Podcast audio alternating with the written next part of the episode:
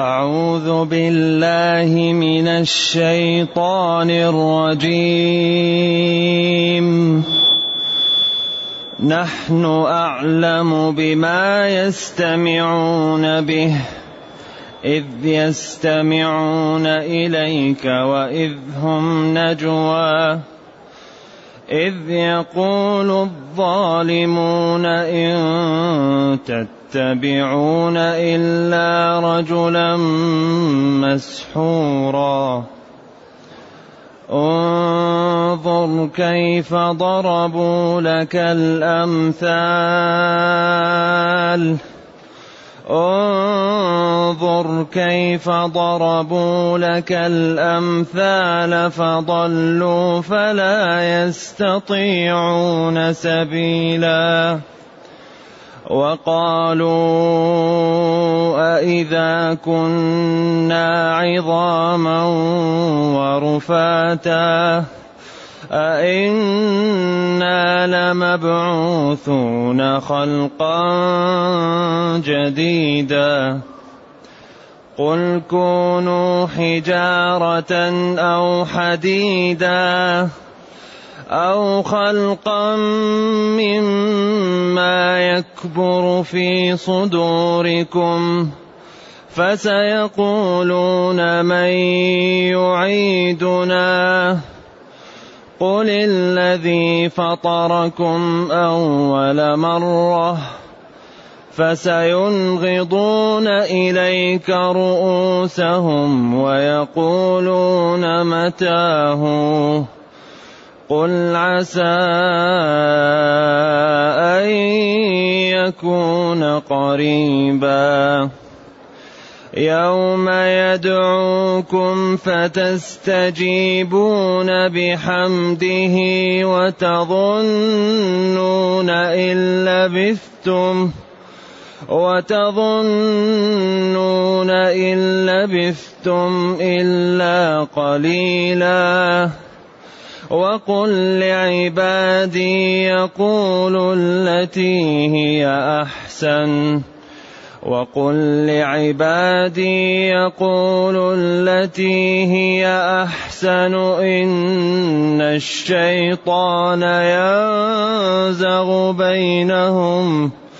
إن الشيطان كان للإنسان عدوا مبينا. ربكم أعلم بكم. إن يشأ يرحمكم أو إن يشأ يعذبكم. وما أرسلناك عليهم وكيلا الحمد لله الذي أنزل إلينا أشمل الكتاب وأرسل إلينا أفضل الرسل وجعلنا خير أمة أخرجت للناس فله الحمد وله الشكر على هذه النعم العظيمة والآلاء الجسيمة والصلاة والسلام على خير خلق الله وعلى آله وأصحابه ومن اهتدى بهداه.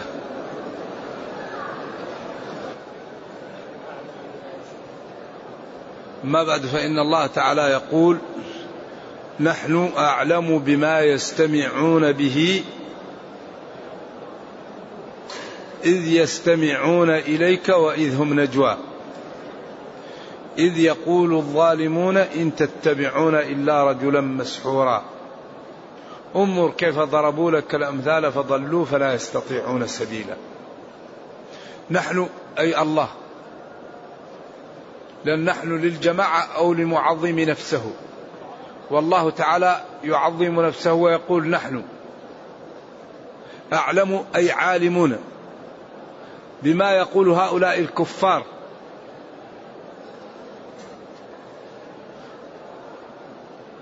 إذ هم نجوى. نحن أعلم بما يقولون.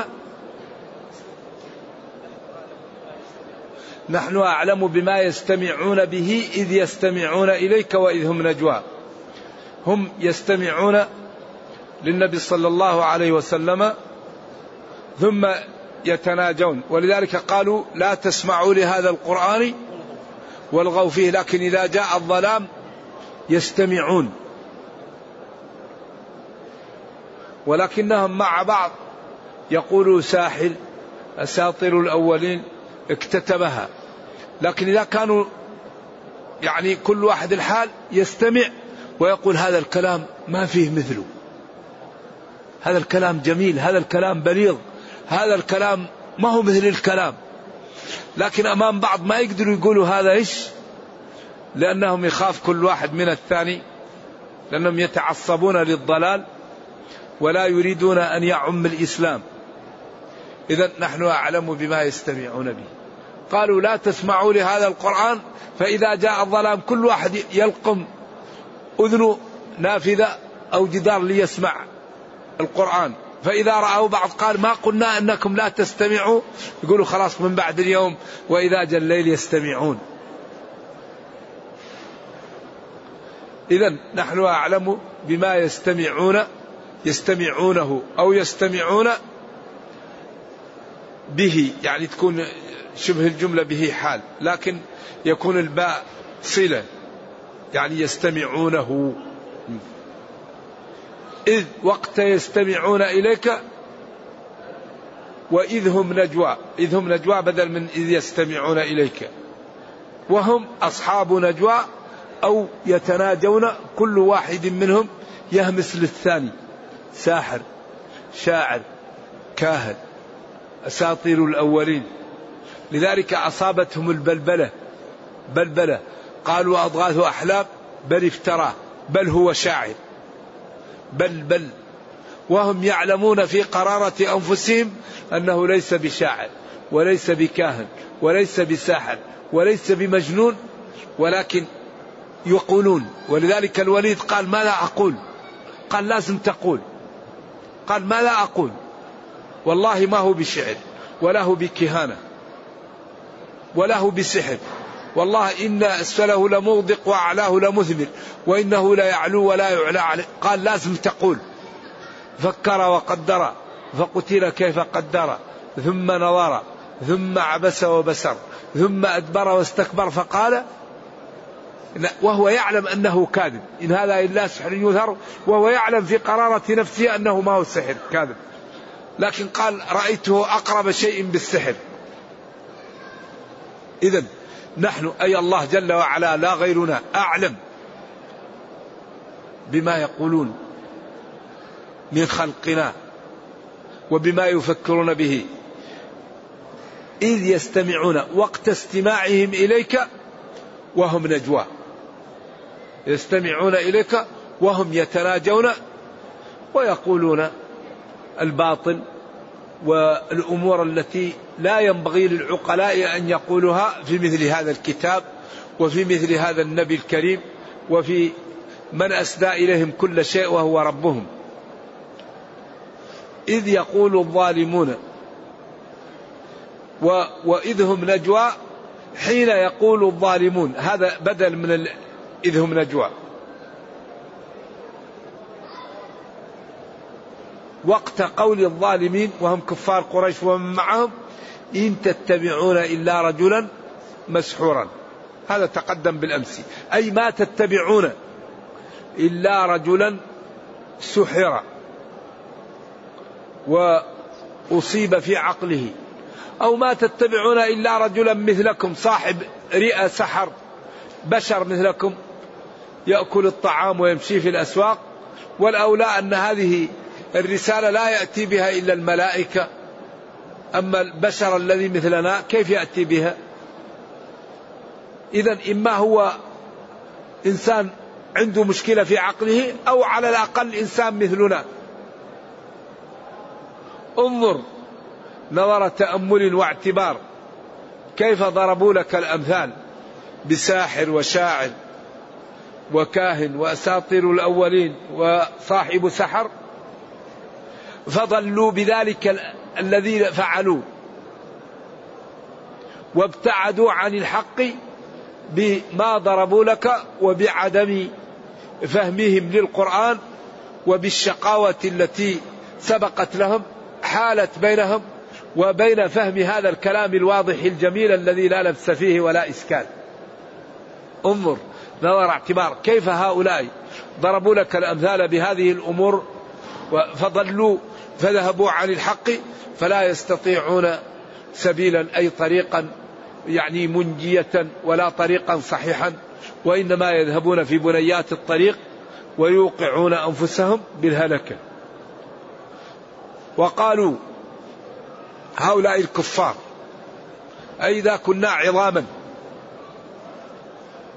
عظام يعني رجعوا إلى الحالة الأولى قبل أن تكسى العظام إيش؟ لحم. لأن الإنسان إذا مات أول ما يبلى منه اللحم والعصب ثم يبقى العظام. ورفات وفتات مثل الغبار. إنا لمبعوثون خلقا جديدا. قال هؤلاء الكفار أئذا كنا عظاما؟ على سبيل الإنكار والاستبعاد. ورفات غبار وفتات. أئنا لمبعوثون. يعني وموجودون خلقا جديدا. يعني تتجدد أجسامنا. ونكون خلق جديد بعد أن نبلى وبعد أن نرم. فالله جل وعلا أجابهم بقوله قل كونوا حجارة أو حديدا. أو خلقا مما يكبر في صدوركم. كونوا أي شيء عظام ورفات كونوا حديد أو حجارة. أليست الحجارة والحديد أقوى؟ أو مما يكبر في صدوركم. قالوا أكبر شيء في الصدور هو الموت. والموت أشد حادث مما يمر على الجبلة أو السماوات والأرض. كونوا أي شيء. فالله تعالى سيحييكم وسيحاسبكم. كونوا أي شيء تريدونه. ولذلك رد عليهم بثلاثة أدلة. وهذه الأدلة تتكرر في القرآن كثير.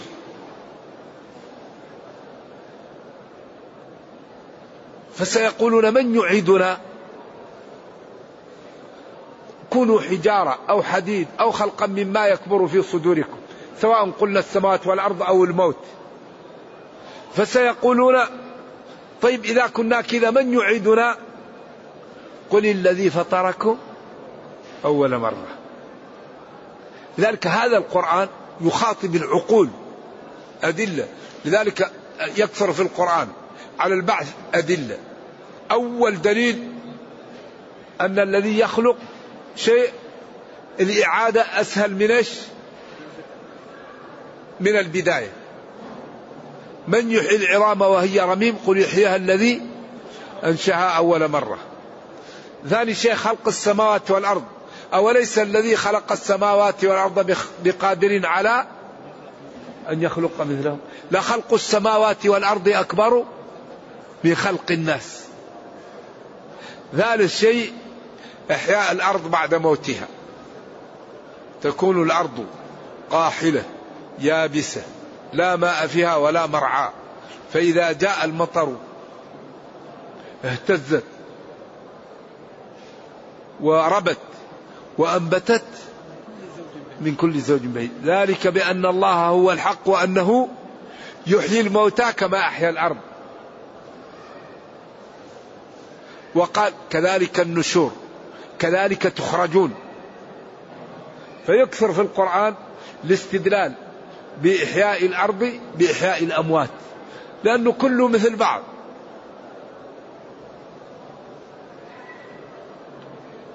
إذا كونوا هذا الأمر بعض المفسرين قالوا أمر للتعجيز. لا. أمر بمعنى لو كنتم. أو كونوا بمعنى لو صرتم أو لو تكونون. قالوا هذا ليس المقصود به هنا التعجيز وإنما تقصد به لو أنتم حجارة أو حديد أو أي خلق فالله تعالى قادر على أن يحييكم بعد الموت كما أنشأكم من العدم أول. قل الذي فطركم أول مرة. من يعيدنا؟ أي من يعيدنا إلى الأرض إلى الدنيا؟ قل الذي فطركم أول مرة. لأن إبراهيم عليه وعلى نبينا الصلاة والسلام قال رب أرني كيف تحيي الموتى؟ قال له أولم تؤمن؟ قال بلى. آمنت ولكن ليطمئن قلبي. أريد زيادة إيمان أنت ربي كريم. أريد أرى حتى نقوى. قال له خذ أربعة من الطير وقطعها وحط أوصال على هنا وهنا وهنا وقسمها إلى أقل أجزاء ثم ادعوهن يأتينك فلما دعاهم الريش جاء في الجسم والجسم التحم وجاءه. قال أعلم أن الله على كل شيء قدير. عزير أو غيره قال أن يحيي هذه الله بعد موتها إيش؟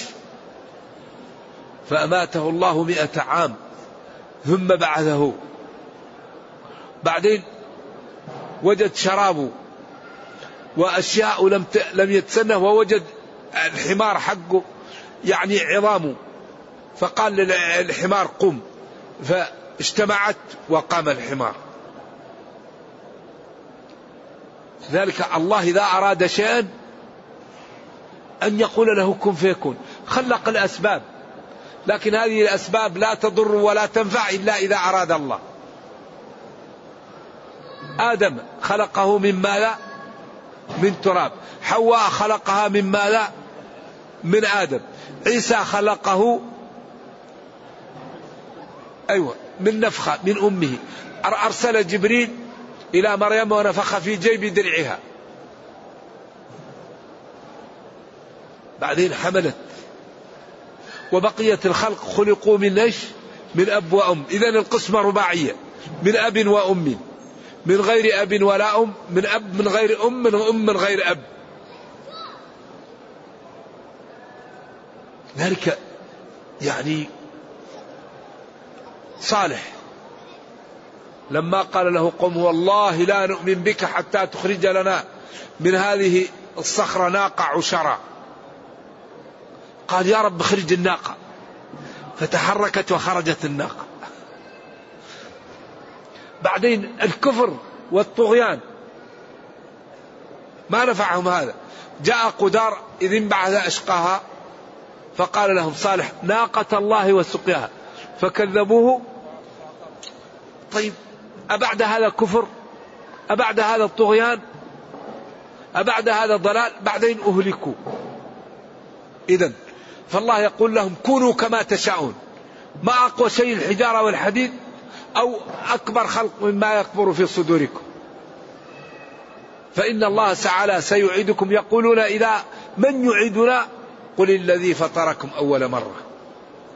الذي أنشأكم من غير سابق هو الذي يعيدكم. فسينغضون إليك رؤوسهم. يحركونه هكذا أمام. ويقولون متاه. متى يقع هذا؟ قل عسى أن يكون قريبا. وعسى من الله واجب. وأمور الدنيا كلها قريب لأن كل ما هو زائل قريب. قل متاع الدنيا قليل. ونبينا يقول بعثت أنا والساعة كهاتين. نبي آخر الزمن. يوم يدعوكم. قريب. يوم يدعوكم. بعد القيام من القبور. فتستجيبون. في ذلك الوقت كل متلبس بحمده. الحمد لله لا إله إلا الله. لكن في ذلك الوقت لا تنفع. اللي ينفع في الدنيا أما هناك خلاص.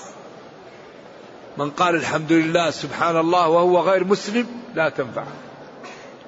لذلك يدعى الموحدون فيسجدون غير المسلم. إذا أراد أن يسجد يكون ظهره مثل الصفيحة ما يقدر يسجد. فتستجيبون متلبسين أو مصاحبين لحمده والناس تذهب وتستدل على المحشر. كأن الله تعالى يدلها بقدرته. إذا نفخ في الصور وحي الناس وجمعوا في المحشر يقال تعالوا. فكل واحد يذهب إلى المحشر لا يغيب ولا كل واحد يمشي. وكل واحد متلبس بالحمد وقيل غير هذا لكن هذا أقوى الأقوال. وتظنون إن لبثتم إلا قليلا. تعتقدون أنكم في قبوركم لم تلبثوا إلا مدة يسيرة قالوا بين النفختين يترك أهل القبور. ينامون.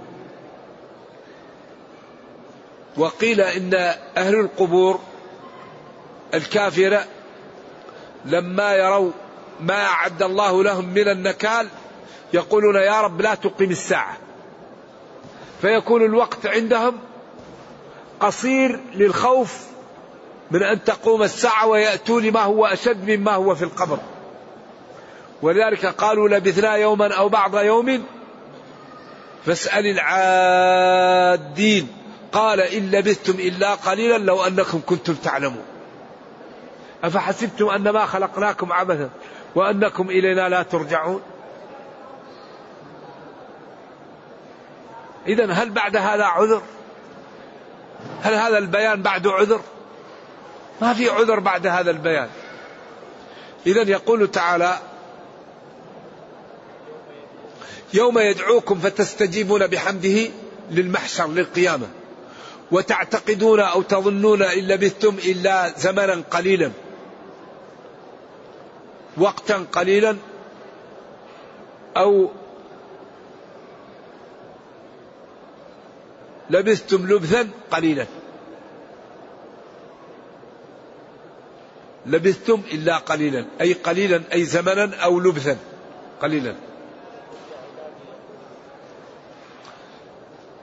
ثم أمر خلقه أن يتعودوا على الأمور الطيبة. وقل لعبادي يقولوا التي هي أحسن الخصلة أو الفعله التي هي أحسن. سواء كان بين المسلمين أو بينهم وبين المعاهدين أو بينهم وبين المستأمنين أو بينهم وبين أي شيء يقول القولة التي هي أحسن. لذلك ربنا أمر بالإحسان. هذا دين الإحسان. وأمر أن العبد يحسن في عبادته. فإذا أراد أن يعبد الله يعبده كأنه يراه. وهذا الإحسان. وقال فإذا قتلتم فأحسنوا القتل وليحد أحدكم شفرته وليرح بها. وقال قل لعبادي يقولوا التي هي أحسن. ونهى عن قول السوء وقول الفحشاء والبلاء والقرآن يكني ونبينا صلى الله عليه وسلم لا ينطق إلا في وقت الضرورة. الله قال أو لامستم النساء وقد أفضى بعضكم إلى بعض. يعني كلام رائع. و و ولا يفحش الدين. ولما جاءته امرأة كانت عليها العادة قال لها خذي قرفصة وتطهري بها. قرفصة وصلة من القطن. قالت له كيف نتطهر بها؟ قال لها تطهري بها. قالت كيف نتطهر بها؟ قال لها تطهري بها. حتى أخذت عائشة يدها وقالت لها تتبعي بها أثر الدم. ففهمت. يعني ديننا يقول التي يحسن الكلام الطيب حتى لا يقول الكلام البذيء. نعم. نعم. ولذلك ورد في الحديث الصحيح من يضمن لي ما بين رجليه وما بين فكيه أضمن له إيش؟ الجنة لأن أكثر ما يدخل الناس النار الفم والفرد. لأن هذه الأمور الشهوة الذي في الإنسان إذا لم ينتبه منها توديه فيش توديه المخاطر. ولذلك قال ونهى النفس عن الهوى وآفة العقل الهوى. إذا قل لعبادي يقولوا التي هي أحسن. من كان يؤمن بالله واليوم الآخر فليقل خيرا أو ليصمت. تكلم وسدد ما استطعت فإنما كلامك حي والسكوت جماد. فإن لم تجد قولا سديدا تقوله فصمتك عن غير السداد سداد. ذلك المسلم لا يتكلم إلا بخير أو يسكت. لا خير في كثير من نجواهم إلا من أمر بصدقة أو معروف أو إصلاح بين الناس. أما أغلب الكلام يكون محسوب على صاحبه. إذا إن الشيطان ينزغ بينهم. هنا علل قل لعبادي يقولوا القولة التي هي أحسن لأن أي قولة غير طيبة عندنا عدو يلابسنا يسبب لنا مشاكل. فلا تترك سبيل للشيطان يجعل بينك وبين إخوتك إيش؟ مشكلة. قل لعبادي يقولوا التي هي أحسن. لأنك إذا قلت التي هي أحسن ما تترك سبيل للشيطان. إن الشيطان ينزغ بينهم. تأتي منك كلمة يقول الشيطان هذا لا لا يراك شيء. هذا هذا يحتقرك.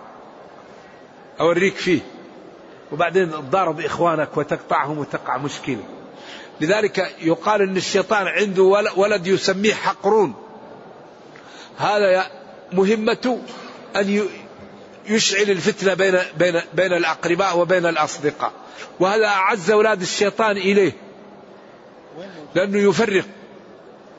كل ما جاء واحد شوف هذا لا لا يحترمك. هذا لا يراك شيء. إذا أنا لا أرى شيء وينزغ بينهم.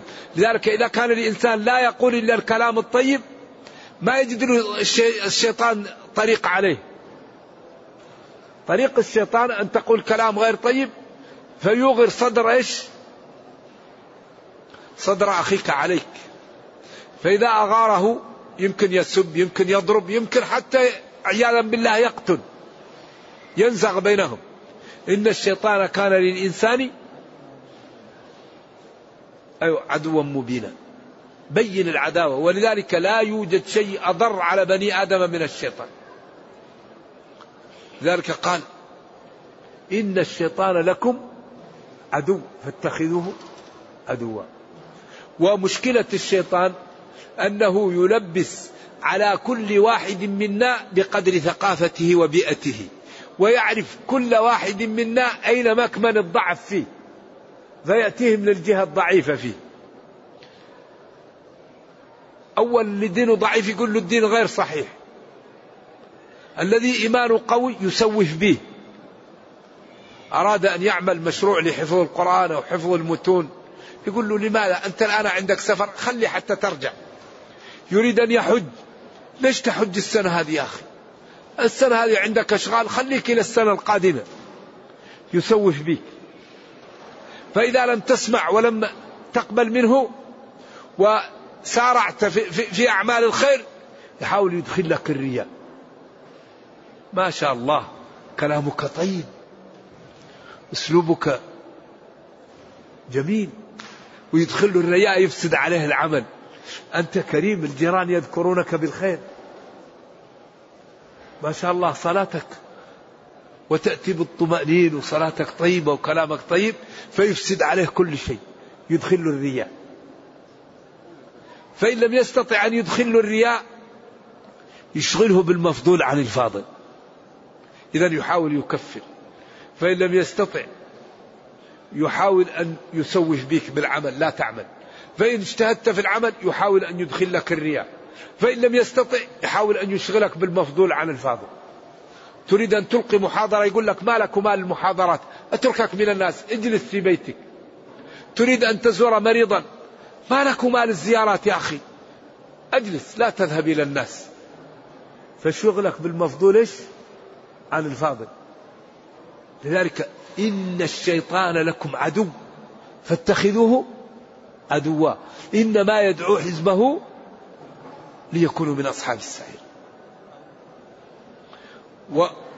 والله تعالى بين لنا أنه يوضع له منبر في جهنم ويخطب خطبته المشهورة. البليغة التي ذكرها الله تعالى في سورة إبراهيم. وقال الشيطان لما قضي الأمر إن الله وعدكم وعد الحق ووعدتكم فأخلفتكم. هل بعد هذا من بيان؟ ووعدتكم إيش؟ فأخلفتكم. وما كان لي عليكم من سلطان. ما كانت عندي قوة. إلا أن دعوتكم. كل واحد نقول له تعال تعال. فاستجبتم لي. ما عندي قوة ما عندي حبال أكتفكم. كل واحد نقول له تعال فاستجبتم لي فلا تلوموني ولوموا أنفسكم. ما أنا بمصرخكم وما أنتم بمصرخ ما أنا بمنقذكم ولا أنتم بمنقذي. إني كفرت بما أسركتموني من قبل. إن الظالمين لهم عذاب أليم. لا ما بعد هذا من عذر. إذا يجب أن نحذر الشيطان. الشيطان يلبس على كل واحد على قدر ثقافته وعقله. والذي يحمي من الشيطان ما هو؟ العلم. لا يحمي من الشيطان إلا العلم ولا يخاف الشيطان إلا من العلماء. العباد يفرح بهم الشيطان لأن العابد إذا كان على غير علم يدخل الرياء يدخل البدعة يدخل السمعة. يأتيه الشيطان ويقول له أنا أنا الله أنا الرسول افعل كذا افعل كذا. فإذا لم يكن عنده علم يظن هذا الذي جاء من؟ الرسول صلى الله عليه وسلم أو الذي جاءه ربه. وبالأخص إذا لم يكن متعلما ويعرف صفة النبي صلى الله عليه وسلم. إن الشيطان لا يتمثل به. ما قال إن الشيطان لا يكذب علي؟ قال من رآني فقد رآني فسيراني. لأن الشيطان ممنوع عليه أن يتمثل بشخص النبي صلى الله عليه وسلم.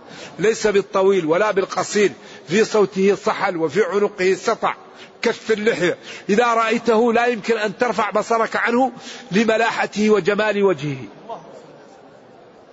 الله جعل فيه من القبول شيء العجيب فصفة النبي صلى الله عليه وسلم ما يمكن أن يتمثل بها الشيطان. لكن يمكن الشيطان يأتيك في صورة أخرى ويقول لك أنا الرسول. يكذب. فذلك الذي يحمي منه هو ماذا؟ العلم.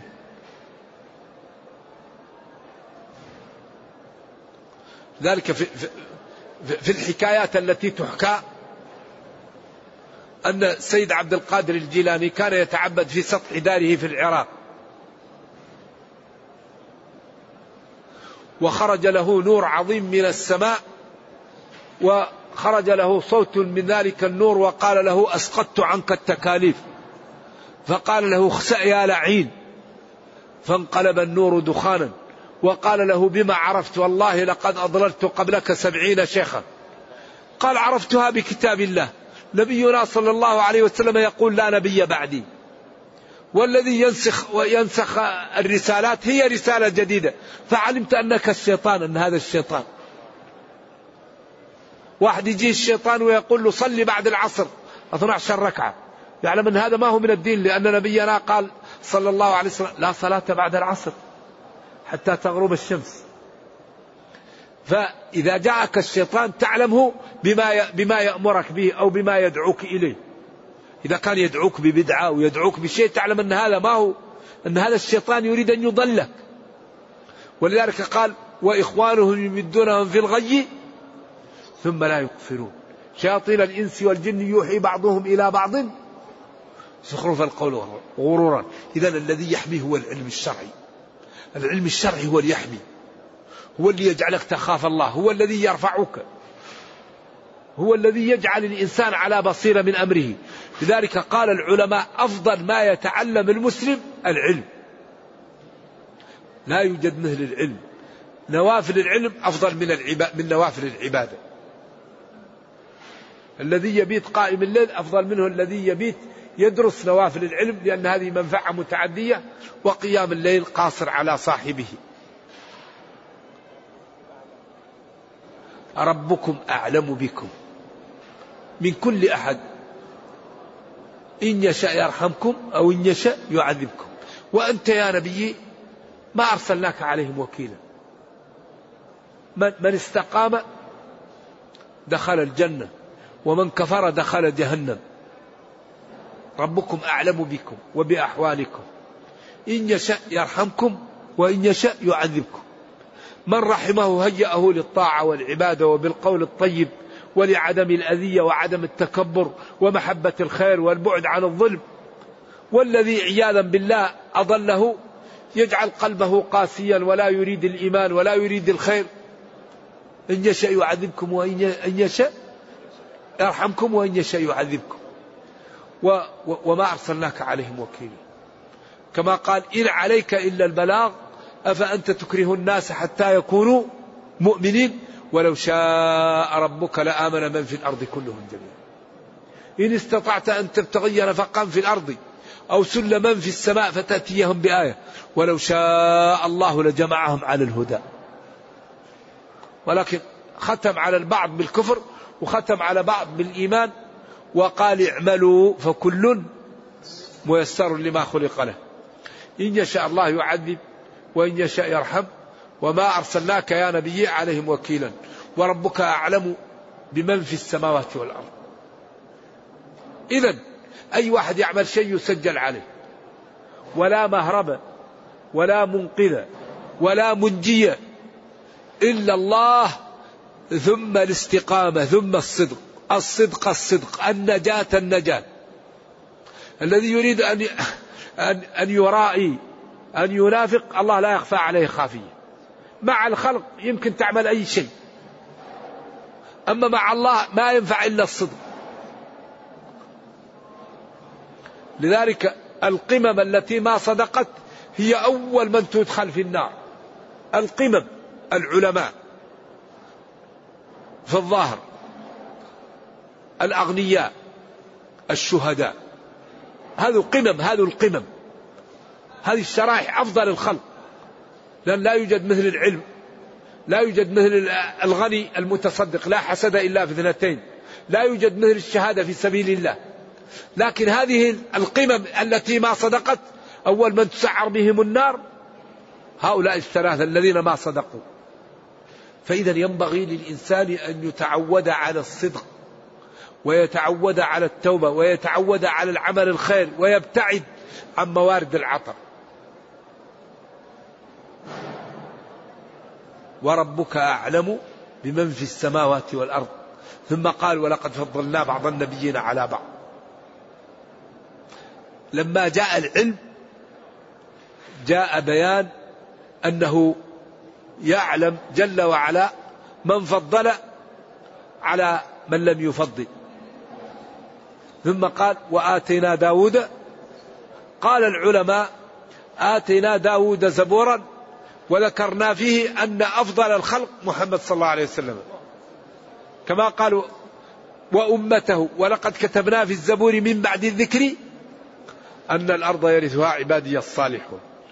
إذا وآتينا داود زبورا وفيه فضل محمد صلى الله عليه وسلم وفيه فضل أمته على أصح الأقاويل. لأنه هنا وآتينا داود زبورا يعني إشارة إلى فضله في, في, في, في زبور داود. نرجو الله جل وعلا أن يرينا الحق حقا ويرزقنا اتباعه وأن يرينا الباطل باطلا ويرزقنا اجتنابه وأن لا يجعل الأمر ملتبسا علينا فنضل. اللهم أصلح لنا ديننا الذي هو عصمة أمرنا وأصلح لنا دنيانا التي فيها معاشنا وأصلح لنا آخرتنا التي إليها معادنا واجعل الحياة زيادة لنا في كل خير والموت راحة لنا من كل شر. سبحان ربك رب العزة عما يصفون وسلام على المرسلين والحمد لله رب العالمين والسلام عليكم ورحمة الله وبركاته.